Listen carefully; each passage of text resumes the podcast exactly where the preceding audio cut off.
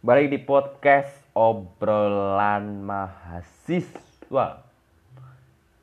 Oh, di kala pelarangan mudik seperti saat ini ya. Ini sudah sejak hari ta tanggal 6, tanggal 6 sampai tanggal 17 pemerintah memberlakukan pelarangan mudik lebaran. Uh, tentu ini menjadi apa ya menjadi sebuah poin penting ya. Menjadi poin penting bahwa sebenarnya ada se apa ya ada poin penting bahwa pemerintah itu sebenarnya mempunyai niatan baik pada saat melakukan pelarangan mudik lebaran ya mungkin karena nanti ditakutkan ada klaster baru covid nanti kasus covid di Indonesia bisa meledak ataupun kejadian seperti yang di negara India nanti bisa terulang. Akhirnya pemerintah melakukan pelarangan mudik lebaran.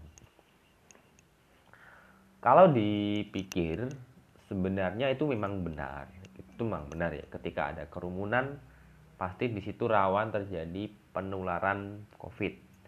Selain itu, ketika nanti ada yang mudik, misal dari Jakarta ke Jawa, ah bukan dari Jakarta misal ke Malang gitu ya, itu pasti kita tidak tahu ya yang dari Jakarta itu benar-benar fit, benar-benar sehat atau tidak yang dikhawatirkan ketika yang dari Jakarta itu dalam kondisi yang tidak sehat, apalagi dalam kondisi pandemi COVID.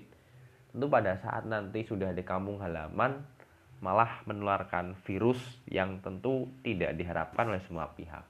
Yang di situlah nanti eh, ledakan kasus itu bisa terjadi. Oleh karena itu, dibuatlah pelaturan larangan mudik penyekatan dilakukan penyekatan wilayah terus juga apa jalan-jalan tikus juga banyak yang ditutup ya. Ini merupakan upaya yang benar ya upaya yang benar. Terus solusinya solusi yang diberikan oleh pemerintah adalah halal bihalal sekarang ini kan sudah bisa dilaksanakan secara virtual. Jadi tidak harus tidak harus apa tidak harus ketemu langsung seperti dulu. Adanya teknologi ini kan sangat membantu ya. Sangat membantu pada saat pelaksanaan halal. Bihalal ini juga terjadi pada tahun lalu juga halal bihalal sudah umum ketika dilaksanakan secara virtual. Pada kenyataannya ya ini kita melihat realitas ya. Pada kenyataannya penyekatan yang dilakukan oleh pemerintah, pelarangan mudik yang dilakukan oleh pemerintah oleh pemerintah pada masyarakat pada umumnya itu tidak semulus apa yang diharapkan. Hal itu terjadi ketika banyak sekali terjadi orang-orang yang nekat melakukan mudik lebaran dengan menghalalkan segala cara Kemarin bahkan ada yang numpang truk sayur, ada yang sampai apa e, berangkat lebih awal ya kan. Jadi tidak bukan tanggal 6 tapi sebelum tanggal 6 sudah pulang kampung. Terus ada juga yang lewat jalan tikus. Ada yang memaksa banyak sekali kenyataan-kenyataan itu ya itu merupakan konsekuensi yang dihadapi ketika kita mengambil kebijakan yang memang sebenarnya saya yakin masyarakat itu tidak mau. Sebenarnya masyarakat itu tidak kepingin bahwa ada pelarangan mudik. Tetapi pemerintah juga harus bersikap bijak karena ini menyangkut keselamatan banyak orang. Bukan hanya keselamatan satu atau dua saja tapi keselamatan banyak orang. Akhirnya dibuatlah peraturan pelarangan mudik itu. Ini secara keseluruhan saya menilai kebijakan ini sangat tepat kalau memang ranahnya untuk menghambat pandemi COVID-19. Tetapi kemarin ya ini berita terbaru kita digegerkan adanya gelombang kedatangan warga Cina ke Indonesia saat larangan mudik ini.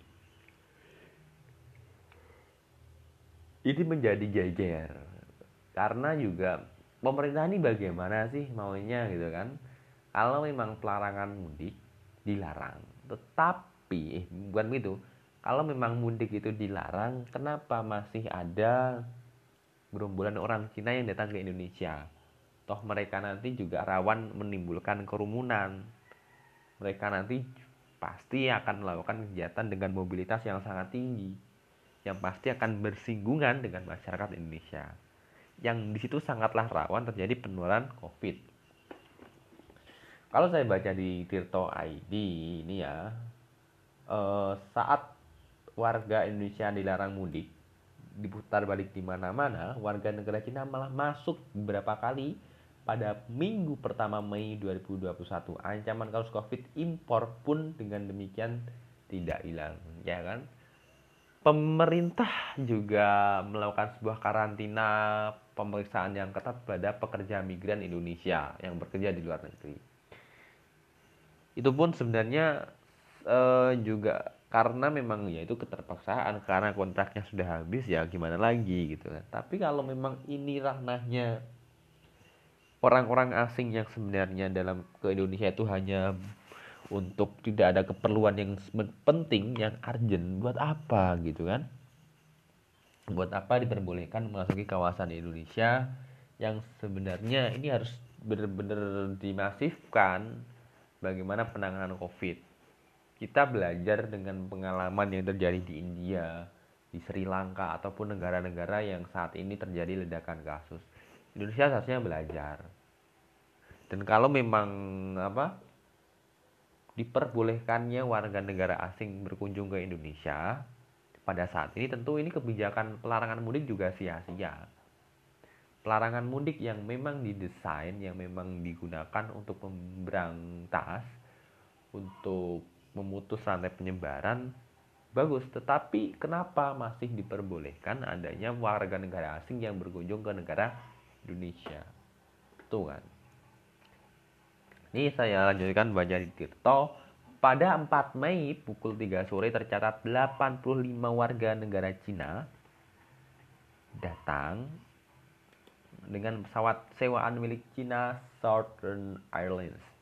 Dua hari kemudian ada 171 warga Cina datang dengan pesawat Xiamen Air MF855 mendarat pukul 12 siang pada 8 Mei menggunakan pesawat sewaan Cina Southern dengan nomor penerbangan 157 warga Cina masuk. Banyak loh ini. Jumlahnya ratusan loh. Ratusan belum tentu mereka dalam kondisi yang fit, belum tentu mereka tidak uh, ini bu, bukan ya suudon ya, bukan berarti mereka sehat 100% dan bisa jadi mereka terkena virus COVID-19. Tentu ini sangatlah rawan sekali. Direktur Jenderal Imigrasi Joni Ginting Minggu 9 Mei 2021 menegaskan kalau kedatangan mereka sesuai dengan Permen Kumham nomor 26 tahun 2020 tentang visa dan izin tinggal dalam masa adaptasi kebiasaan baru dan menjalankan protokol kesehatan yang ketat. Petugas migrasi tidak akan memberikan izin masuk jika para penumpang tidak lulus pemeriksaan kesehatan sesuai protokol kedatangan orang dari luar negeri yang telah ditentukan oleh Satgas COVID-19 jelas dia. Selain dua kelompok tersebut, 133 warga Cina juga telah lulus telah telah tiba di Indonesia pada Januari 2021 Imigrasi mengklaim 150 di antaranya sudah punya izin tinggal terbatas dan izin tak sementara sisanya memang status diplomatik. Langkah pemerintah menerima warga Cina dikecam anggota 9 anggota 9 DPR dari fraksi PKS Neti Prasetya Rani.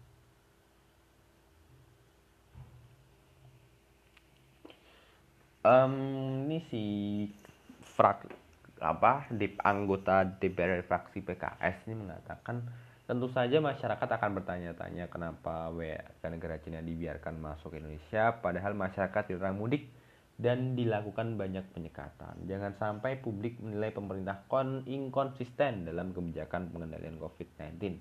Kata dia dalam keterangan tertulis Sabtu 8 Mei 2021. Pemerintah seharusnya peka masyarakat dalam mudik, tapi warga Cina bisa masuk. Bagaimana masyarakat bisa menerima fakta ini? Tambahnya, epidemiolog Indonesia di Griffith University Australia. Diki Budiman juga mengkritik langkah pemerintah menerima warga Cina. Ia mengingatkan bahwa kebijakan menerima warga asing berpotensi memicu kemunculan kasus baru. Masuknya setiap warga negara itu ada potensi potensi bobolnya.